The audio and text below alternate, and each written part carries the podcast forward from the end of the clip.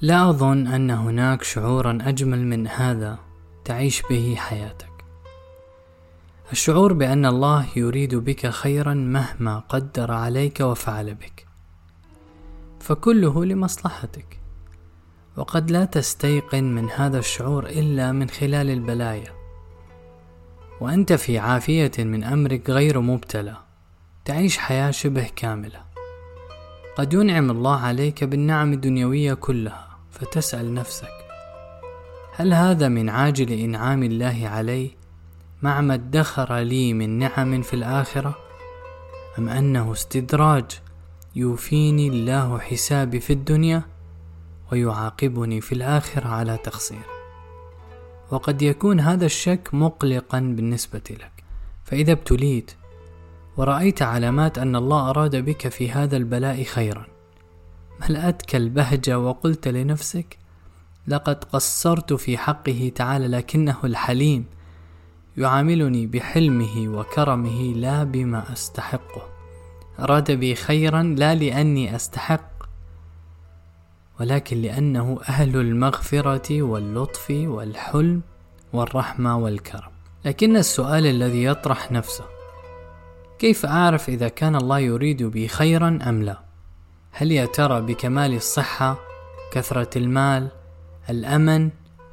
لا أبدا.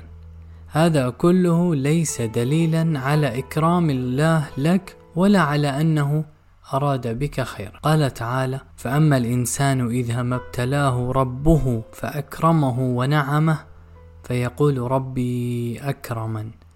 وأما إذا ما ابتلاه فقدر عليه رزقه فيقول ربي أهانه. يعني كثير من الناس يعتبر أن إعطاء الله له من نعم الدنيا دليل على محبته بينما إذا ابتلاه بالفقر أو يعتبر ذلك دلالة على إهانة الله له وأن الله أراد به شرا اذا يعتبر الإعطاء والمنع من نعيم الدنيا مقياس رضا الله وسخطه على العبد محبته وكراهيته للعبد إرادته الخير أو الشر بالعبد. فجاء الرد من الله تعالى على هذه النظرة بكلمة كلا أي ليس العطاء والمنع من الدنيا هو المقياس. وقال تعالى من كان يريد العاجلة عجلنا له فيها ما نشاء لمن نريد ثم جعلنا له جهنم يصلاها مذموما مدحورا. يقول أيضا كلا نمد كلا أي المؤمنين والكافرين الأبرار والفجار الكل ينال نصيبه من عطاء ربك في الدنيا وما كان عطاء ربك محظورا. إذا ما هو المقياس لتعرف إذا كان الله يريد بك خيرا أم لا؟ قال رسول الله صلى الله عليه وسلم وإن الله يعطي الدنيا من يحب ومن لا يحب. ولا يعطي الإيمان إلا لمن أحب. نعم إذا الإيمان هو المقياس. فإن وجدت البلاء قد قربك إلى الله فاعلم أنه سبحانه أراد بك خيرا. وإن وجدت البلاء أبعدك عنه سبحانه فالحذر الحذر. تدارك نفسك قبل أن تكون من المحجوبين. إذا وجدت نفسك تبتلى بما لم يكن في حسابك ومع ذلك ينزل الله عليك السكينة فقد أراد بك خيرا. إذا وفقك الله لإحسان الظن به وعصمك من العتب على أقداره فقد أراد بك خيرا. إذا مرت بك لحظات في بلائك تعيش فيها مع القرآن بسعادة رغم كل شيء وتدمع عيناك من محبة الله والامتنان له فقد أراد بك خيرا. إذا صغرت في عينك تهديدات المخلوقين وعلمت أنهم عبيد مقهورين تحت سلطان الجبار القهار سبحانه فلم تعد ترجو خيرا إلا منه تعالى ولا تخاف إلا منه تعالى. فهذا كله دلالة على أن الله أراد بك خير. إذا وفقك الله إلى أن تستغل وقتك في بلائك فيما ينفعك في دينك ويقربك من ربك. بينما كثير من الناس يظهرون أحرارا معافين الا أنهم محبوسون في أهوائهم وأوهامهم وشهواتهم وشكوكهم ومرضى بها. فإنه تعالى ما اختارك من بينهم لخدمة دينه إلا لأنه أراد بك خيرا. إذا سبحت روحك في ملكوت الله وطافت تحت العرش مع أن جسمك وراء القضبان أو أثقله مرض. فإنه تعالى ما تركها تحلق وتتحرر إلا لأنه أراد بك خيرا. فالسكينة والرضا والصبر والامتنان لله والعرفان له بالجميل وتعلق هذا القلب به وعدم الخوف والرجاء إلا منه. والأنس به وخدمة دينه هذه كلها من معالم الإيمان. لا يعطيها تعالى إلا لمن أحب فإن أعطاك إياها فاعلم أنه أراد بك خيرا. فهل من المعقول أن يبتليك ويرضيك لأنه يريد بك شرا؟ لا والله. لا والله بل ما صبرك ورضاك بالقدر إلا لأنه يريد بك خيرا. أخي أختي أنت أو أنت من تختاري لنفسك.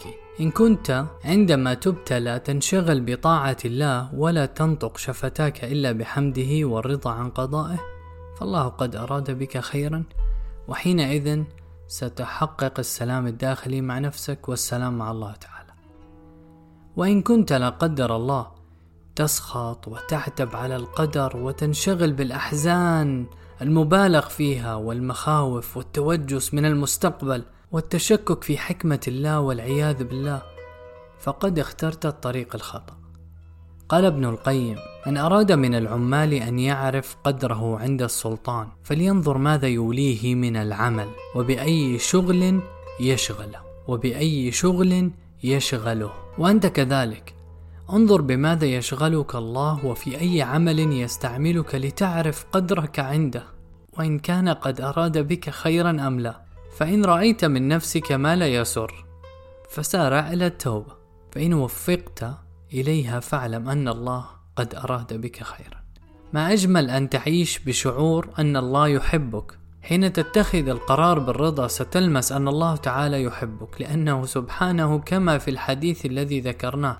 لا يعطي الإيمان إلا لمن أحب. فالرضا إيمان فالرضا إيمان. إن حزته فإن هذا من علامات محبة الله لك انظر حينئذ كيف ستنظر بإيجابية إلى ما يقضيه الله تعالى لك فالذي يقضي هذه الأمور حلوها ومرها هو حبيبك الذي يحبك الله سبحانه وتعالى. فإن قضى لك بالمرض فإنما يأتيك هذا القضاء ممن يحبك. ولا تعارض وإن قضى لك بوفاة عزيز عليك فإنما يأتيك هذا القضاء ممن يحبك كذلك. لكن العبد المؤمن لابد له من الخوف مع الرجاء فكيف يطمئن إلى أن هذه البلايا ليست علامات مقت من الله؟ إن ردة فعلك عند البلاء هي التي تحدد فإن أقبلت على الله سبحانه ورضيت وصبرت فإنك تستديم هذه المحبة التي ظهرت لك أماراتها من قبل وتزداد بها وثوقا. ويكون حرصك على استدامتها والأنس بطمأنينتها معينا لك على هذا الصبر والرضا. لكن إن بادرتها بالتسخط فلا تنال إلا السخط. فاجعل خوفك من تضييع الود الذي بينك وبين الله والوقوع من ثم في الوحشة. اجعل خوفك هذا حاجزا لك عن السخط.